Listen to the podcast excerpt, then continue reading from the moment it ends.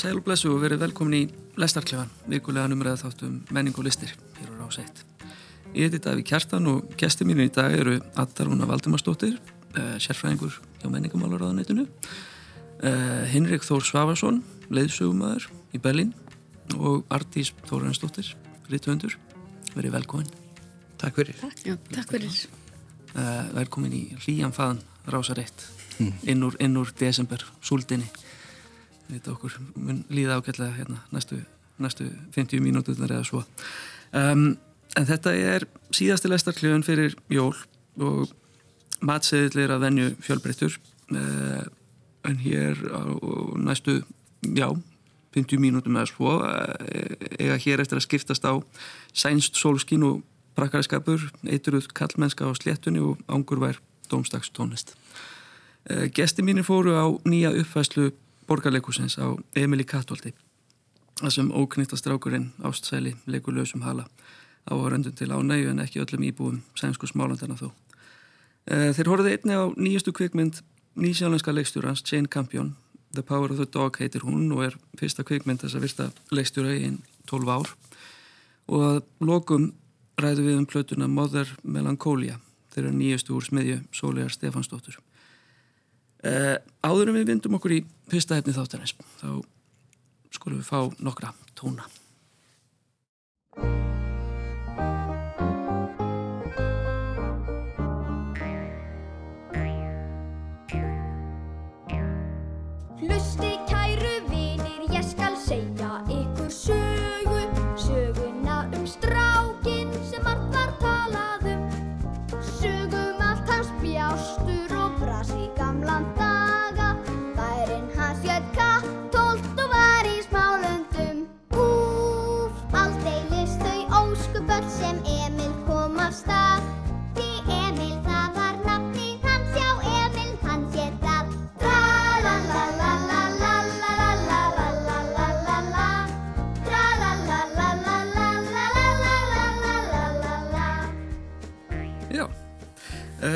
það eru tæp 30 ár síðan að Emil uh, rataði síðast á fjallutnar í Íslensku leikhúsi. Ég ræk nú sjálfur stór augu þegar ég las þetta. Þetta er, þetta er svo langt síðan.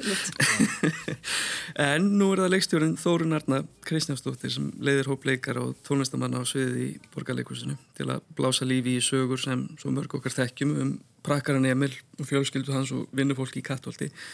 Ég ætla að leiða mér að byrja svona á persónlegu nótunum innileg hér. Síðasta lestaklefanum fyrir jól og ég ætla bara að spyrja ykkur, gæsti mína hvert samband ykkar við Emil er, ef, ef, ef það er og hvort þið getur kannski bara líst því. Við byrjum á þér, Ardís Er hann ekki svona litli bróður okkar allra? Það er svolítið þannig að hérna, maður þekkir hann svo vel, hann er svo nálagt manni og uh, maður hefur hennan skilning á því hann sé óþólandi en samt meinar svo vel Þannig að hann er einhvern veginn, hann er einn úr fjölskyldunni, það er svolítið þannig. Ég held að það sé... Einmitt, Já, ég held að það sé ekki svo vitlaust. En þú, Henrik? Ég eh, bara, ég veit ekki, ákaflega svona fjarlægur frændi, sko, mér, sko, uh, einmitt, en uh, samt eitthvað sem maður hefur heyrt svo mikið af, sko, og, uh, og hérna, annars er það samband bara eins og segir, mjög svona slitrótt, sko, ég kem bara eiginlega svona sem, ég segi nú ekki alveg nýr að, en að því að þetta þú veist, þetta er bara í, sko, sálinni mann, sko, uh, platan var alltaf til hjá af og ömmu og eitthvað svona, sko, þú veist, allt þetta og hérna, og þannig að maður þekki þetta alveg, sko, en síðan, skilur, hefur það hefur það fjarlægst, sko. En þetta var eins og að hitta, skilur já, já, hitta, hitta einhvern sem hafði hirt alla sögurnar á að vissi náttúrulega allt um aftur, sko. Já, það var briljant, sko. Ákveða En þú, þetta? Já, ég er sammála, ég tengi sko mjög mikið við Emil sammála hérna. Og mér finnst þetta bara, bara allir kartarinn og Astrid Lindgren bara svo stórkustleir og ég man bara þegar hérna já, þegar ég var móðir þá gæti ég bara ekki betur að fara að lesa bæði bara Línu og Emil og Ronny og sérstaklega bróðum Ljónsjarta mm. en ég, mér fannst hann svona hann, hann vill svo vel og hann er svo svona upprættakir sem eru bara elskulegur og svona já, hann bara svona góðhjartur góðhjartur sál sem er alltaf að lendi í einhverjum vandræðum bara svona alveg óvart, það svona skemmtilegt Það er meiri tökkur í þér en mér. Ég reyndi að lesa bróðum minn Ljónshjarta fyrir börni mín og ég grét svo mikið að það var sagt við mig bara mamma, við skulum Já. bara geima þetta. þetta er allt, ég komst ekki gegnum fyrsta kaplan. Ég, ég get sagt sömu sögu, ég las hana fyrir stráki minn bara fyrir mánuði síðan eða svo. Já. og ég bara var hágrenjandi strax á fyrstu plassi Já, ég, ég líka, ég, ég byrjaði á fyrsta blæsið en, við, en, hérna, en það var sann svo fallet að því sko, dóttir mín hún var bara að þurka tárin. Mhm. mm var, en mér veist þetta bara svo, þetta er svo stórkoslega sögur. Þetta einhvern veginn bara algjörlega tímalausar allar. Og hérna, já, mér finnst einhvern veginn allir þessi karakter bara, þú veist, þeir, þú veist, þeir eru svo norranir og þeir eiga bara svo opbáslega svona stort, stort pláss í hjarta, hjartamanns einhvern veginn. Ja, Emil náttúrulega er, er alveg sko há skandinaviskur Þa, það, sko, og verður einhvern veginn ekki meira skandinaviskur heldur en að Þórunarna gerði sko í þessari uppfæslu það er bara Já. Skandinavia bara út í eitt og, og ekkert annað. Mm. óbúslega fallegt sko. Já. Akkurat. Nú erum við komin einmitt á, á sviðið og hérna við ætlum nú að fara að tala um, tala um síninguna sjálfa. Hvernig fannst þér þetta hefnast artís? Þetta, þetta bara svínvirkar. Ég vissi ekki að mætti, þú veist, hefnast svona vel að með fyrstu stórsýninguna eins og Þórun Arna gerir þetta mjög. þetta bara Ótrúlegt. Magnað. algjört afreg frábærsýning, ótrúlega mér finnst hún líka bara svo maður er bara komin í smálundin einhvern veginn mér finnst sviðsmyndin líka algjörlega mögnuð Já, og það er svolítið eins og henni var að segja, sko, það er bara að, hérna, þú bara ki- oft er leikhúsið að reyna að búa til einhvern ævintýraheim eitthvað sem er ekki til en þarna er bara ævintýraheimurinn eru smálöndin á hérna um þar síðustu aldamót og það er bara svo gaman að nota leikhúsgaldrana í að endurskapa einhvern svona heim á Já. þetta naturalískan hátt. Mér finnst það rosa skemmtlegt. ég er sammála, mér finnst líka svo fallet svona rauðu húsin, þetta er svona maður var bara komin einhvern veginn í smálundin og mér finnst líka rosalega gaman að sjá sko með sko tæknin líka í, í baktjaldinu. Hún gaf svo mikla dýft mér finnst það rosalega skemmtilegt, þú veist það snjóaði og það var ljós í húsunum og svo sástu engin og mér finnst þetta, já, mér finnst þetta algjörlega frábær sýning. Og líka mér finnst bara barnasýningar í Íslandi hafa tekið svo rosalega miklu sko, það, er komið svo mikið fagligheit í barnasýningar. Þannig að mér finnst- þetta algjörlega mögnu sýning. Og ég fóð með dóttur minni sem að skemmti sér rosa vel og hérna bara tíminn flög áfram einhvern veginn. Í henni var þetta bara komið hlið, svo henni var þetta bara búið. Já, það var nú það sem að uh, sko, uh, margt sem að margt sem að sko var hægt að nefna í þessu þessu sýningin er sko óbóðslega falleg. Já. það var sko óbóðslega falleg Já, maður kannski rétt að einmitt að minnast á að Eva Signý Eva, Berger, Eva, já, Eva sem, Berger er- sem er já, og hún verður alltaf bara betri og betri. Mm. og það er einhvern veginn við þessa sýningu svona grunnurinn það sem að mér finnst vera magnaðast og fallegast og mesta afreikið þessa sýningu er uh, hvað hún er ofbóðslega áreinslulegs Já. hún flæðir svo ofbóðslega fallega. Og það er bara sena eftir senu eftir senu eftir senu eftir senu og lag eftir lag eftir lag einhver megin og það bara hef, algjörlega af mínum myndi sko flawless. Og það er ákaflega sjálfgeft í íslensku leikúsi að sjá sýningu sem er svona ofbóðslega áreinslulegs það, sem að- það sem að er engin að reyna að gera neitt of mikið En það er líka svolítið óvænt að þess eins og nefnir þetta flæði af því að Emil er náttúrulega í eðli sínu, þetta er, þetta er svo sketsasýning þetta Já, er já. aðeins, er, það er ekki söguþráður, það er ekki brú þannig, það er ekki ekki, það er ekki eitthvað markmið sem er já. kynnt í það eitt sem við þurfum að ná fyrir Ekki upp að miðja endir. Nei, Já, já. og það þetta er alltaf hægt að svoleiðis verðið sundulöst en þau sigla fram hjá því sko. Já, já, því finnst það, er þið sammála? Ég er sammála, ég er sammála. Mér fannst líka ótrúlega áhugaverð sko að því að, þú veist, náttúrulega bara tvö börn í sýningunum og restin er fullari fólk. Mér fannst svo áhugaverð líka bara svona samspil þeirra.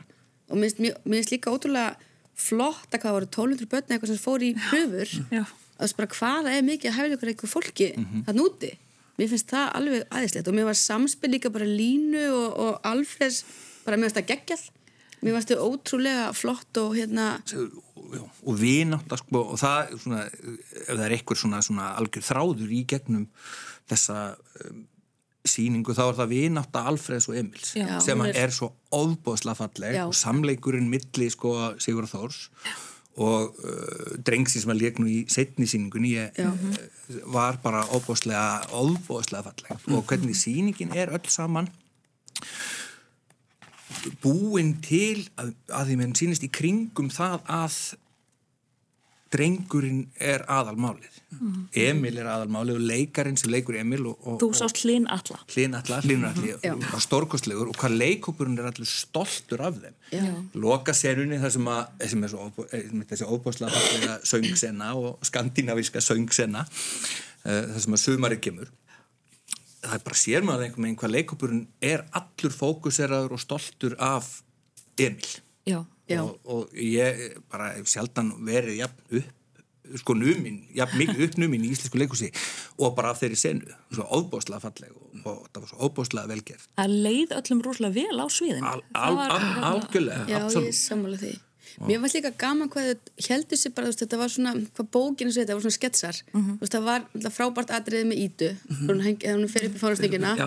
Mér fannst mjög gaman að sjá það, svona sjónrænt. veist, ég- sem, sem danski fánin Já, sem danski fánin, mér fannst það algjörlega stokslegt. þar, og þar, leiðum við því, þá, þar sá maður sko tröstið sem að krakkarnir fá Já. Já, og ég mér brá þegar sko að, að, að Emil hafi verið treyst til að hengja ítu upp í fánastöngin og þau stóðu ein á sviðinu, það var engin í kringum þau og þetta fenguðu krakkarnir að gera sjálfur já. og það er sko og þar var sko, nú fæ ég bara gæsa þetta að hugsa um það sko, því að þar var tröstið sko svo algjör Já. Já, og, og það er En við erum líka að tala rosa mikið um hvað þetta var fallegt og fyndið og skemmtilegt en það sem að kannski gefur þessu síðan dýftina í raun og veru er hvað Astrid náttúrulega, hún fer aldrei fram hjá erfiðumálum. Nei, Það er hérna, það er rosa áhugaverðir vinklar hérna á stjættaskiptingu og hlutverkum fólks. eins og eru- fátakra heimilið og jólamaturinn. Já og ekki síður sko. hér, stórkostlega sena en mér, mér fannst eiginlega áhrifa meira bæði hlutskipti Alfreðs og Línu, Línu, sem þau syngja um, þú veist hún syngur um það er alltaf þoka því og frí og hérna Já. það er og uh, Alfred talar um hvað hérna vinnan, hún sé bara svo þrálát Já, já, þegar já. maður er svona vinnumæður svo deyr maður Já. bara. svo deyr maður bara og, já, og hérna þetta eru stór mál þau, og þe- þetta er fólki sem býr heim, inn á heimilinu með Emil Mhm. og að fara með krakka sem að þau velta sig ekki fyrir sig, þarna er atvinnureikandin og launþegin eru bara þarna saman við eldhúsborðið Já, já. Það er áhugavert, það er djús í því. þetta ítrekkaða tal sko uh, pappans Emils um, um peninga. Já. þetta Já. kostar fjórar krónur eða þrjár krónur og ég spara þá hér og þar og alls konar svona, þetta, þetta sænska svona þetta er bara sænskur sænst félagslegt í par excellence já, já, og, og hérna og Emil fyrir og, og sækir hérna sækir skattinn leiðin á, á, á, á hérna markaðinn og Uppboðið, já. uppboðið og, Opna hliðin og kaupir, kaupir En mér finnst það líka svo áhugavert að þetta er svo tímalust. Mér finnst það, þú veist, ok, við náttúrulega erum að hugsa um til klæðinaður, þú veist, hérna, þú veist, að tala um sem er mjög fallegu líka, þú veist, eins og garðbóð, allir einhver svona fallegu ljósum kjólum, þetta myndi mér svona skeins, málverk, svona skeinsmillir í, sko. Þetta er svo, maður langaði bara að fara að fá sér jarðaber, jórkúpa og einhvern góðan snaps og vera einhverju partíu með þeim hann. En, en, þú veist, þetta er svo, þetta er svo tímalust og einmitt fallegt og líka einmitt á, sem er, sem er bara ótrúlega mikilvægt að ræða við bönnum sín. Þegar því að mér fannst það bara svo áhugavert að það voru þarna mér fannst líka gaman leikursinu og alltaf þegar eru barnasýningar að það er svo breyður hópur af kynslu það er gaman að sjá þarna ömmur og afa og frængur og frenda og fóreldra með börnin.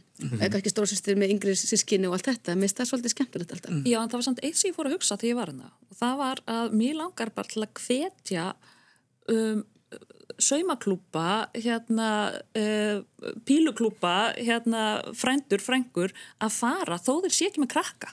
Já, af því þetta er góður þetta punktur. er þetta, við vorum að tala með dáðan Emil er innra með okkur öllum, þessar sögur er innra með okkur öllum og mér finnst einhvern veginn kannski ekki síst núna finnst mér þetta bara skipta máli. Ég fór á um daginn á Kardumabæin og ég fór bara næstu því að gráta að vera komin þarna bara á heimaslóður þar sem allt var eins og ég vissi hvernig átt að vera. Og, hérna, og það, þetta er bara veginn svo mikið öryggi og gleði, þú veist að vera að gera eitthvað hérna vinna þarna með eitthvað sem það þekkir og þú þetta er bara vöndu vinna hérna sem að höfðar til allra. Já. og það, mér finnst ég svo allt og oft heyra fólk segja, já, hérna, ég vildi að maður hefði krakka til að fara með á þessa eða hinna sýninguna. Þú þart ekki krakka, það megið allir koma. Já, og það finna barnið innra með þér. Finna barnið innra með þér. fara með það í leikus ég, ég fór einmitt mjög oft einu leikurs því ég var áður en eignast börn, ég eignast svo seint börn sko af því ég var svo mikið að vinna í barnamenningu. Og ég fór oft einu á sýningar eða fekk lánu börn til, sem ég bauði sko því þetta er, þetta er alveg satt. Og sérstaklega svona undanfara ár það hefur verið svo mikið svona vitund og vakning í gæði sýninga. Það er orðin svo góðar finnst mér. Og mér finnst líka þú veist bara eins og hérna dansarnir í Emil og alls svona reyfing þetta er orðið svo, svo flott. Það er Proud sem- Líbráð, já, bara sem er Mary Poppins og nýju líf núna og hann hefur sett, sitt mark sko, já. á, á í, í Íslands leikús ótrúlega flott. Og líka náttúrulega sem er líka frábært, það er allir svona námski fyrir börn. Þetta er náttúrulega bara þú hefur svo mikið tækifæri eins og þetta hvað er 1200 krakka sótt um. Já. og þetta er náttúrulega bara ótrúlega að við séum með svona pröfur og það er En- áhugavert. Það er einmitt áhugavert að skulu nefna kardumómibæin mm. það er svona, svona öllu frjálslegri aðurlugun Já. þar, þar leifir, leifir uh, höfundur og, og leikópurinn sér að, að, aðeins að, að mixa upp í hlutunum. Uh, þetta aftur á móti er uh, þessi sýning er mjög trú upprunalega ráefninu Já. og mögulega er það bara vegna Astrid Lindgren Company sko, bara, bara fyrirtækið sjálf sko, sem að kannski leifir ekki En mér fannst það svolítið jákvægt. Ég, Mér fannst mjög gott að fara og fá bara svona gamaldags gott leikus. Það sem að þú ert bara svona, hérna, að því að það auðvitað er alltaf frábært að fá einhverja, einhverja nýsköpun og hérna, einhver flæði og aðrar útfæslur. En mér fannst mjög gaman að vera, veist, halda sig við bara uppröðunlegu söguna að því að þetta er svo, þetta er bara hálgjörð sko, þetta er bara svona hálgjörð biblía. Alla bækundur hennar fyrir mér eru svona hálgjörð biblíur. Þannig að það, er- þetta, er, þetta er svo, Það eru þetta ekkert sem að er ósnertanlegt en hérna uh, mér finnst það bara mjög virðingavert val að uh, nota eins og ég sagði áðan til að uh, fara bara og búa til þennan heim. Eins og hann er lagður upp í bókunum. 30 ár síðan þetta sett upp síðast. Það er ekki eins og það hafi öll börn á Íslandi horta á þessa sýningu það, það er bara opnum þetta. Við, hérna, það er alveg skiljanlegt að maður vilja setja upp Othello þar sem að hérna, allir eru strumpar eða eitthvað ef að, hérna, Eh, eitthvað sem er alltaf verið að vinna með en það er ekki alltaf verið að vinna með Emily Kattól í ísl, íslensku leikusi og það er alveg, getur alveg verið punk í því líka að uh, bara skapa. Það er kannski, það er kannski nýjasta pöngið og kannski búið að vera það svolítið tíma að gera hlutina í, í, í svona við segjum gæsalappa orginal eins og þeir eiga að vera. Leifa hefðinar á það já. En það er svolítið áhugaverð samt sko að því ég var að hugsa að segja þetta því sko 30 ár sem Emil var syndir á síðasta sviði hér en þú veist Lína og Ronja veist það er alltaf svona með jöfnum millibili. Tíu ára fresti tíu ára fresti cirka já. En sko já Emil er einhvern veginn svona kannski farið, hann hafa fallið svo skuggan held ég á Línu Já. Og, og jafnvel Ronju sem átti rosa comeback hann á tíðanbili Emil hefur ekki, ekki fengið þessu sömu alþjóðlegu dreifingu og, og lína langsók er- og, og, og líka Ronja að einhverju leiti sko. Núna er tími að ég hátt rengsins sem er kannski runninu upp og, og, og það er alveg svona imbrað á því í þessari sýningu. Já. eitt aðtrið þarna það sem að það, sem að það er undirstrykað að, að, að hérna, er þau eru að setjast í borðs og, og Emil og Ída eru alveg gjössanlega snældu vittlaus sko, hérna, og það þarf að pappa þarf að beðja hann um að að vera aðeins rólegan og sitta stæðs niður. Það, það, er, það er þessi þetta impulsífa sem, að, sem að er hjá er í Emil. Þessi, þetta, ADHD eintak fyrir ADHD löngu fyrir ADHD en, en svona þetta óbóðslega þessi óbóðslega impulsíf og óbóðslega hjartarreina og þetta uh, þegar hann til dæmis fyrir og bjargar öllum frá, fátakra heimilinu og býður þeim í, í hátíðamatinn sem átt að vera daginn eftir í Gatolti skilur og það er, maður sér líka einhver svona uh, ummerkjum það í textanum. Það, hérna, Þóran Eldjátt þýðir þetta núna, Böða Guðmundsson þýtti textana, söngtextana uh, í eldri uppfæslunni og ég mitt hnautum það eins og hinni þá hlustaði ég á plötuna aftur og aftur sem bann þannig að þetta einhvern veginn er í hérna einhverju djúpminni. Og núna syngur Emil um smíðakóan hérna uh, í gömlu útgáðana var það ég fer til þín og skammast mín. Nú er það ég fer í þig og jafna mig. Emil er bara svona að kjarna sig eftir hérna aðeins að hafa mist stjórnina. þetta snýst ekki um svo mikið um yðrun heldur bara að hérna aðeins að ná aftur jafnvægi Já, mjög það er svona pínu Tálkið er svona, já, Já. tálkið er svona þessi, þessi, já, þessi, já. hérna, já, einmitt. Jú, tíma breytast og allt það. En, en þú veist, það, eins og sé, toppurinn í þessu, þessari sýningu finnst mér einmitt bara, finnst mér vera hversu, hversu mikið er farið í bara kjarna, e, kjarna lingrin, Astrid, og, í þennan tíma, fara, færa okkur þangað aftur í smálendin. Já, maður var alveg komin bara í smá, mér varst nefnilega svo, mér varst sviðsmyndin algjörlega geggjuð Já. og mér var svo gaman líka þetta var svona, svona dúkuhús sem við bara opnaðir og, og svona, mér varst það rosalega, mér varst það áhugavert og flott. Já. og náttúrulega magna hvað þessar personur eru marglaga í Já. þú veist, sem bregður stutt fyrir í Já. hérna stóru personugaleri og samt uh, nær hún að uh, draga þarna upp og leikararnir með hérna svona styrkleika og veikleikara veikleika algjörlega, algjörlega. Og líka náttúrulega smálundun náttúrulega var svo óbúslega fátækt þarna á á þessum tíma. Vestufararnir allir og hún fangað það líka Já, já. í síningunni sem er, eða í bókinni sem er líka það senda Emil til bandaríkjana og öll uppbóðin, það er uppbóð og bæ eftir bæ eftir bæ og það er uppbóð sko í næstu viku og næsta bæ og, og Ég, ég herði nefnilega einu sinni sko því að hérna var í Svíþjóð það er svo, í smálundunum það er oft svona kannski frá tveimur upp í sjö eplatri fyrir fram að hvert hús og það var að hérna konungurum var svo að reyna að fá fólk til að sem sagt, vera áfram í smálandi þannig að það, þess að hvert badd sem að fættist það var hérna gefins eplatri Mhm. en þú kannski að sé hvað var mörg börn á bæjun þú voru fjögur börn eða tvö börn eða sjö börn eða eitt, eitt tref fyrir hvert badd Áhuga. en e, bara eins og ég segi e, bara ég verð náttúrulega bara að segja sko fyrir mér og það sem að eiginlega svona gall í hausnum á mér svona þegar á sýninguna leið og eftir því sem var, það var bara til hamingju þórun sko. Þetta er algjört afreg þetta er, þetta er sem debu algjörlega stórkostlegt og, og hérna og það verður bara að halda því til haga. Komin kanona bara strax í Íslands leiku sko, hún er, þetta er stórkostlega gert sko. Akkurat. Já, ég er sammálað þessu. Já, þeir eru saman á því Já, Já, og bara það stóðu sig allir frábælega. Það er bara leikhópurinn var alveg sólit, hérna búningar, leikmynd, lýsing, tónlistin.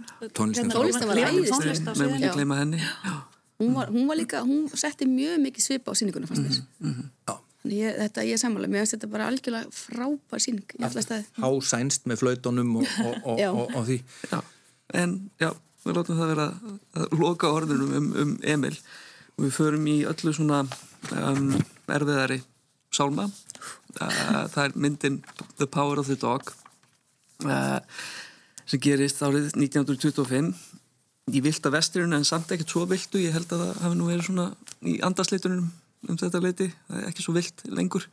Uh, en í henni er sagt frá Burbank bræðurunum George og Phil sem eru velstæðir búgars eigundur í Montana.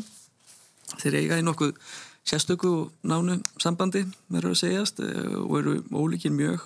George er hæglátur og styrpusalegur en Phil sem leikin er af Benedict Cumberbatch er grottalegur hrotti og eitruð kallmennskan uppmáluð. Uh, og þegar George kynnist ekkjunni Rose sem hann giftist svo flytur hún inn í stórhísi bræðrana á, á búgarðinum á samt við kannuslegum sinni hennar Peter.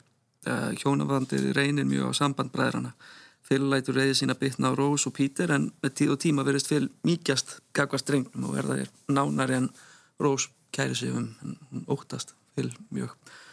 Uh, myndin eh, var frumsýnd á kvimtaháttíðin í fenniðum í haust og er nú aðgengilega á Netflix uh, og það er langt síðan að Jane Campion, leikstjóri og höfundur myndarinnar uh, sendi síðast frá sér mynd, þetta eru 12 ár. Og hún er þekktust, flesti þekkjana væntalega fyrir myndina The Piano sem fekk nú einhverja óskara inn á sínum tíma en hún hefur ekki setið um hö- höndum síðustu árin uh, á þeim tíma hefur hún til dæmis gert sjónvastættina mikið smekknu við Top of the Lake sem að, sem að voru nú bara nokkuð góður og ég segi sjálfur uh, en nú um það hvernig fannst þér myndin, Henrik? Þegar stórt er spurt sko. Ég, eh, þessi, það er eina af þessu myndu sem sem að ég satt eftir þegar, hún var búin og, og bara vissi ekki neitt sko. Ég vissi bara ekki hvernig ég átt að lesa hvernig ég átt að lesa sko endin einhvern megin ég, ég, ég fór að leita mér sko hvernig þú veist hvað já uh, fyrir utan sko þrautagönguna sko að fara í gegnum myndin því að myndin er sko myndin er sko bara þú myndi mig á sko House of Sand and Fog að einhver leiti því að hún var bara svona meiri háttar að allt í henni var bara erfitt. Eh, landslæði sem, hún, sem allir eh, búa í er, er erfitt það er, það er, veist, það er, það er bara það, er sko þurrt og, og, og, og það er kallt og, og, og það er veist, það er einangrun það er og, og einhvern megin ég fannst Cumberbatch til dæmis vera vittlaus kastaður í, mér finnst þetta ekki mér finnst hann ekki eiga heima í þessu hlutverki. Eh, Hann sýnir á sér nýjar hliðar þarna. Þetta er- þetta ekki sá Cumberbatch sem þetta maður er svona- vanur að, að, þetta svona þessi léttlindi Cumberbatch sem maður þekkir sko en, en einhvern veginn og öll samskipti eru erfið þetta er bara erfið mynd svona, það er eiginlega það sem fyrsta svona sem sittur eftir hún er Já. bara erfið Erfið mynd, hvað segir þú að þetta? Já, ég tengi mjög við það. Mér fannst hún rosalega erfið. Mér fannst hún byrja ábúrslega vel. Mm. Mér fannst hún svo falleg, mér fannst svona fyrstu skotin ábúrslega falleg, svona skot út um gluggan og fallegt landslag og svona litirnir svona dempaðir og ég hugsa bara, vá, þetta verður spennandi. En svo fannst mér hún eiginlega bara alveg virkilega erfið og eiginlega bara freka leiðileg.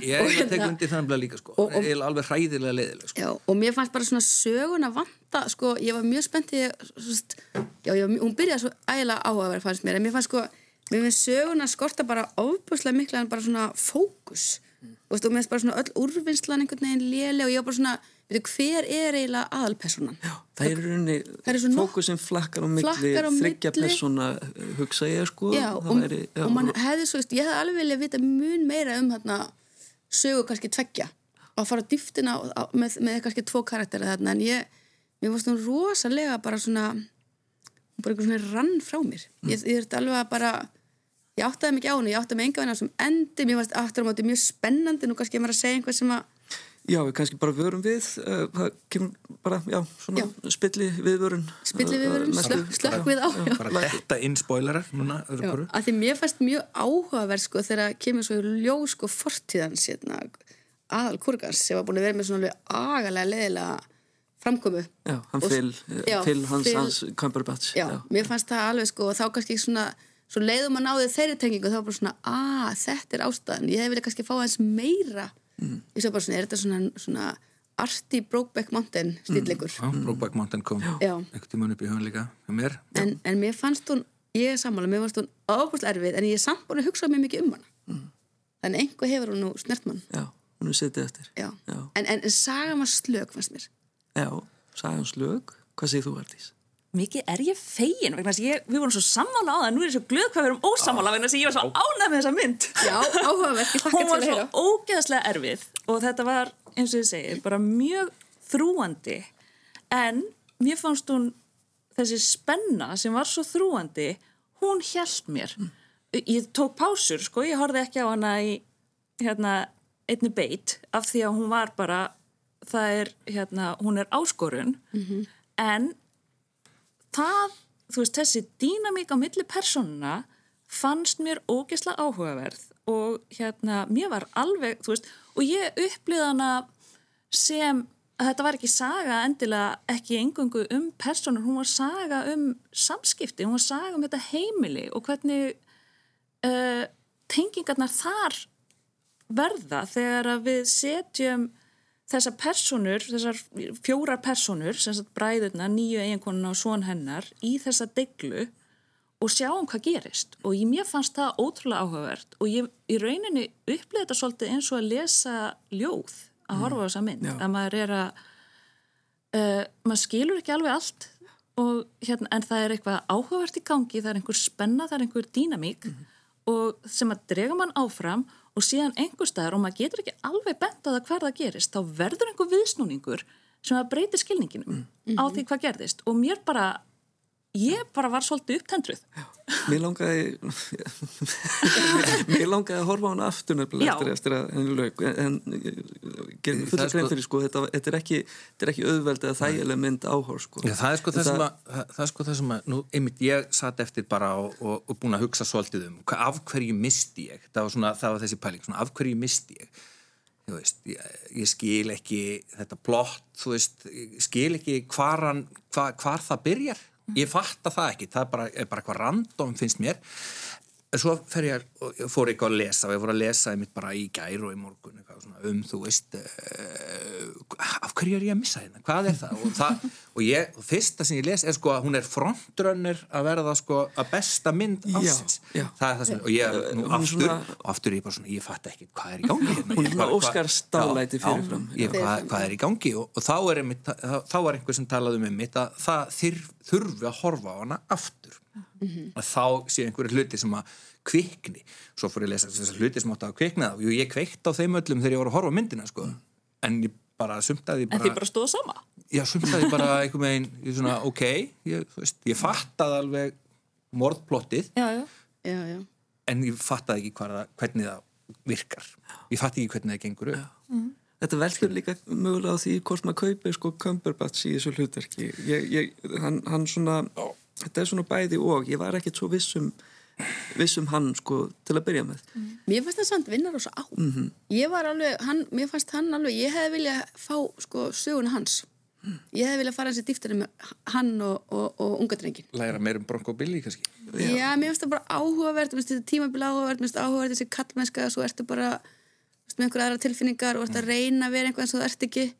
Mér fannst það áhugavert. Ég hefði viljað fá meiri, sem sagt, fá, fá þá sögu aðeins svona sagða. Já, veit. En svo er þetta eins og Artís myndist á sko, þetta er, mjög ljóðræn mynd. Hún, uh, það er þetta samspil landslags og tónlistar og, og svo bara frásagnar og hérna, uh, mér langar að gefa hlustundum okkar svona smá uh, tóndæmi. Uh, það er Johnny Greenwood sem að semur tónlistmyndarinnar. Hann er nú í lítilli hljómsveit sem heitir Radiohead sem að kannast kannski við uh, en hann hefur, er ansið lungið kveimynda tónskald og við skulum hlusta á smálag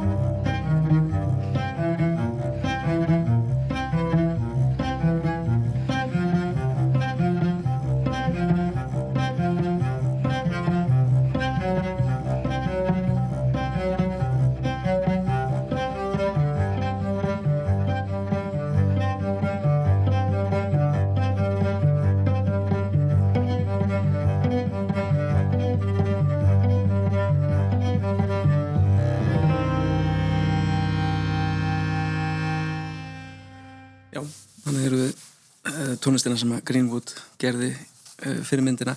Uh, Ég fór nefnilega líka að hugsa um aðra mynd sem hann hérna, kom að og gerði tónlist fyrir og það var There Will Be Blood og hérna sem að er að einhverju leiti svona, svona takast á svona svipaða hluti sko. á sama tímanum og, og þetta er svona sama treinið einhver megin er svona þessi, þessi einangrun í, í, hérna sem að var þarna í Ameríku á þessum tíma byrjun 2000 aldarinnar. Óbóðslega, óbóðslega óbóðslega svona víðfemt og, og, og fólk rosa mikil einangrun sko. En hann ætlaði, þú veist, svona með, með hann fyll sko og þessi, þessi manngerð sko uh, þessi þessi þessi, þessi, þú talar um eitruðu þessi, þessi eitraði kallmaður sem, a, sem hann er en svo með þennan, þennan grunn þess að það talað um þessa homoerotík og, og það sem að er síðan svona einhvern veginn grunnurinn í í svona personur hans sko, sem að verður hann að kemur hann að setna það er, ef það er einhver sem að eitthvað sem að ég gætt séð í þessari mynd sem að mér fannst vera svona eitthvað sem er áhugavert og hefði verið hægt að byggja meiri mynd um, þá er það það samband. Mm. Svo er það kannski bara líka eh, eitthvað sem er kannski tákrand fyrir þann, þann stað eh, að það verður aldrei neitt úr því það endar bara eins og það endar sem er kannski mm. eitthvað point sko hjá, hjá, hjá kampjón sko. Hvað segir þú um það? Aldís? Mér, mér finnast bara öll púslinn vera þarna. Mér finnst ekki neitt vanda mér finnst við fáum að, þú veist, það er svo margt áhugavert. Við vitum um Phil. Við vitum þegar að okkur er sagt að hann er mentaður í klassískum fræðum hérna sem samt gengst hann upp í því að vera eins rústík og hérna fyrir ég að sletta latínu. Og, og, e, og, og þú veist e, mögulegt er.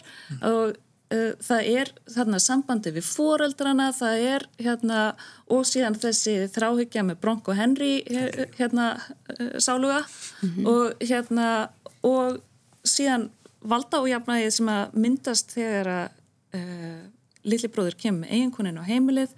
Þú veist, ég bara, þetta var allt undir. Það mér, mér fannst ekkert vanda, það var ekkert sem að ég hefði viljað fara meira onni, það er bara einhver önnu mynd. Já, já, já. kannski verður svona að reyna svolítið á svona tögarnir á manni.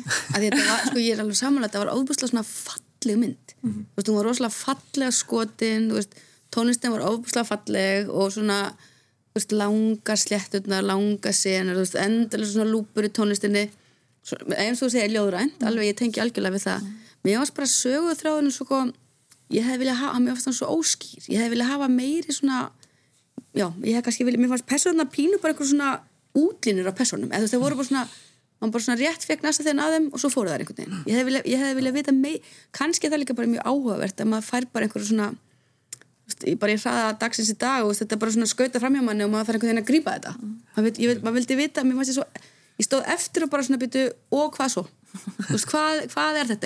hvað hérna, og hún reyndi á. Ég einmitt hérna gerði tvær tilhörun til að horfa á hana. Og hérna byrjaði í iPadnum sem gekk enga veginn og endaði svo hann á sjóvarfið og bara í svona aðeins hérna. en, en, en já, þetta var og það er kannski það sem að gera kvikmyndagerðina svo áhugaverða að því við erum ekki sammála.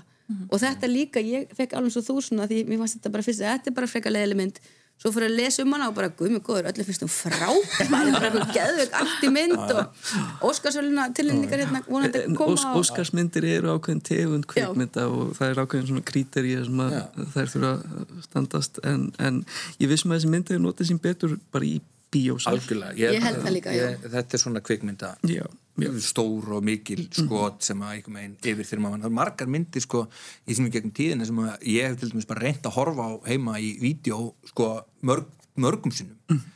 En svo þegar það kemur tækifæri til að sjá þér í bíó að þá bara Já, líka, líka það bara að, að, að þurfa að sitja inn í salnum já, eða bara, þú og hérna já, ekki hafa neitt sko neitt í, í, í trufla. meðan, það já. standi ykkur það er Sum, sumar myndir þarf að taka alveg sko umhverfið úr samband þú þarft að vera bara einn og þarft að vera með hljóð fyrir aftandi Mhm. og, og manneskjum sem þú mátt ekki trubla við hliðina. Já, já mjög gott. Uh, Við verðum að, að segja þessu loki hér uh, og, og já, merkjum X við, við The Power of the Dog í efniskráni um, Næst er það Mother Melancholia uh, nýjasta breyðski á Sóliðar Stefansdóttur Þetta er konceptplata, heimslita frásögn í tónum þar sem jörðin í einhvers konar kvengerfi er í aðalhutverki Platan byrjar um morgun og endar um kvöld þegar uh, feðraveldið hefur getið konunar og mannfólkið hefur blóðmjólkað jörðina svo við vitni í, í lýsingu á plötunni. Uh, það fært ég ekki mála að platan er háfeminísk, pólitísk og dramatísk uh, en við skulum grípa neyður í viðtal sem tekið var til við sólegu í Víðsjá á dögunum um plötuna og við fáum um leiði smá hljóðdæmi um hvernig heimslokin hljóma.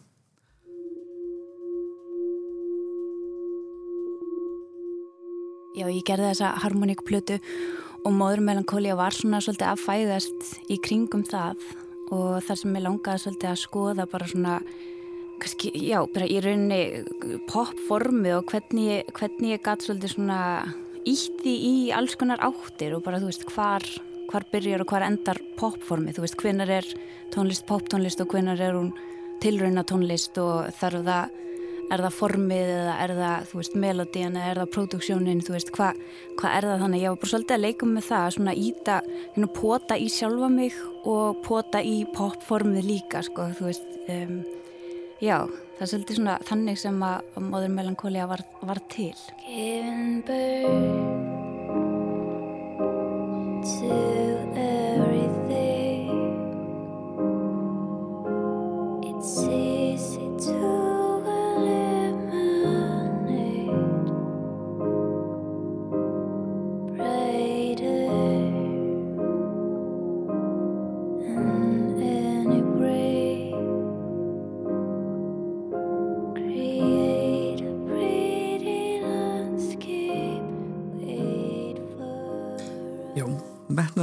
leynir sér ekki þegar hlustaður á plötuna en þá er það alltaf spurningin hversu um, vel listamannunum tekst að vinna úr hugmyndinni.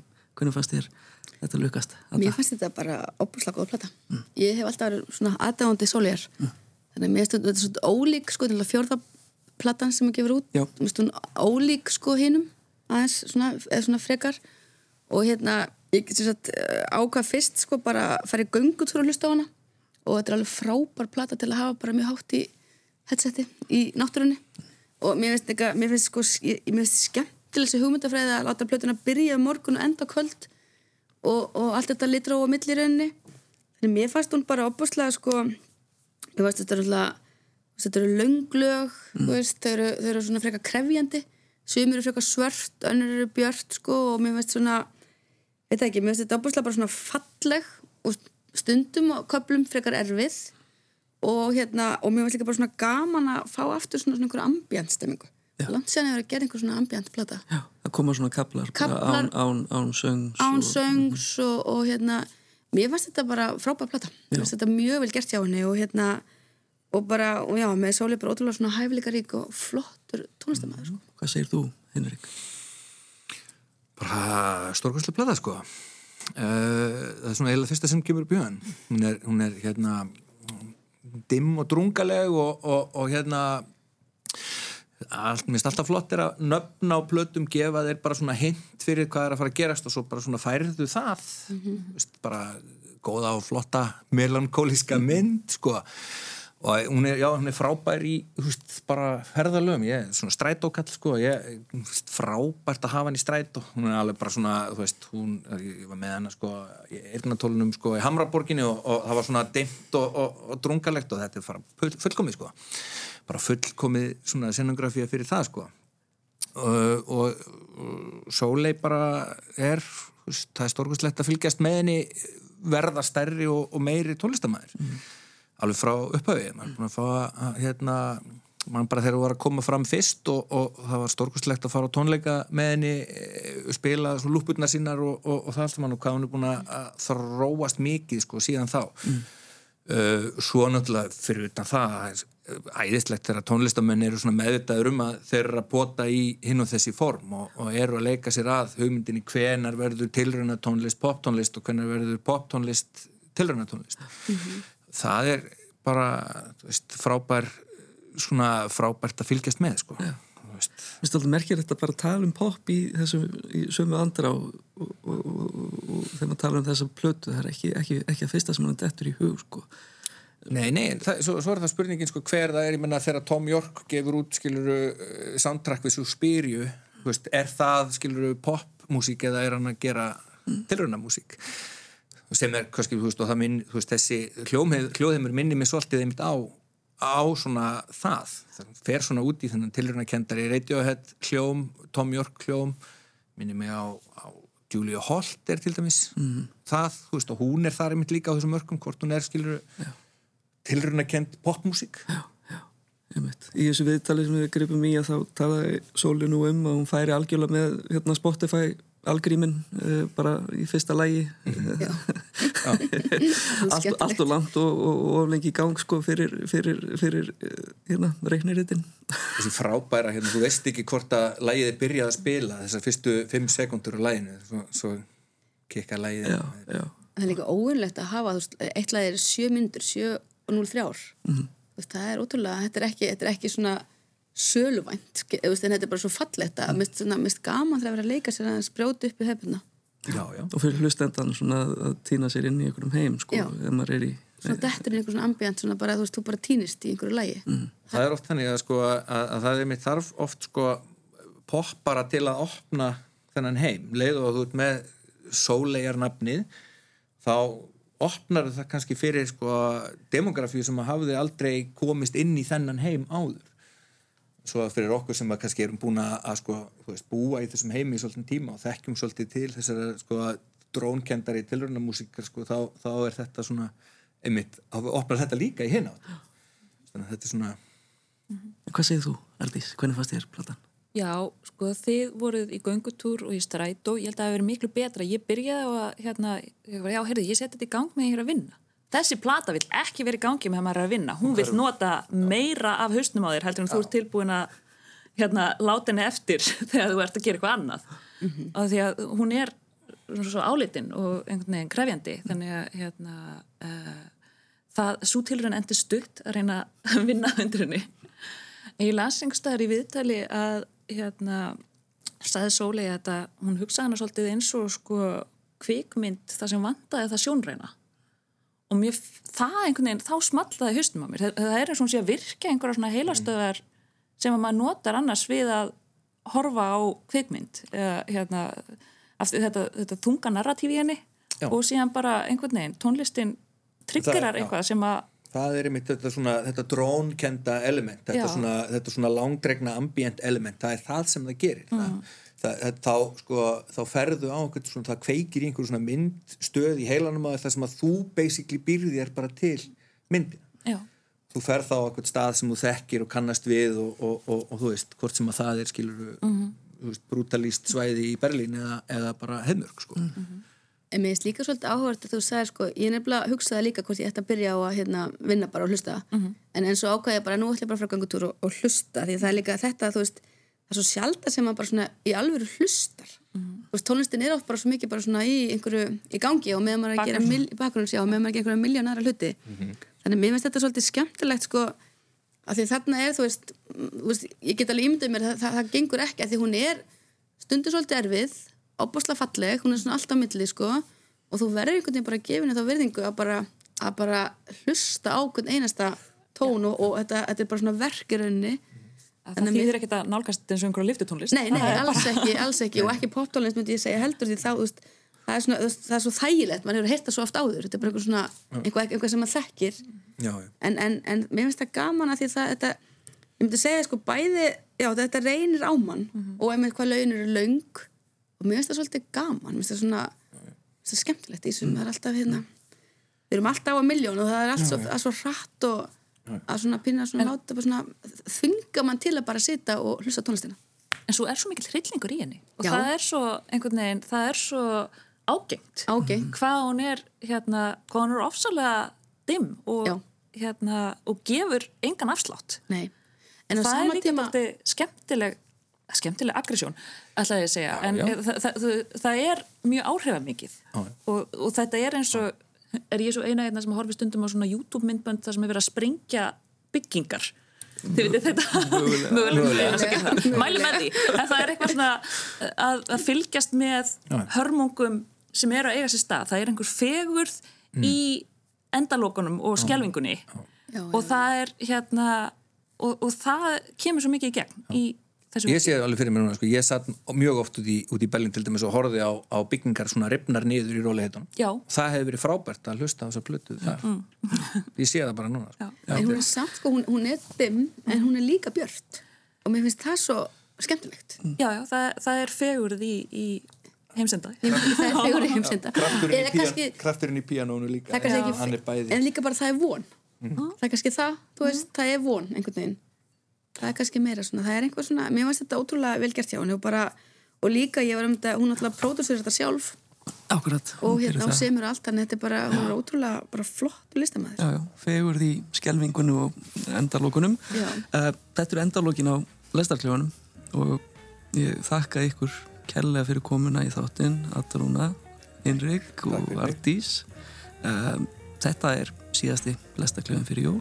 Ég bara kveði ykkur hlustundur sem við leiðis. Hafið það gott. Þannig til næst. Gleðilega hátíð. Gleðilega hátíð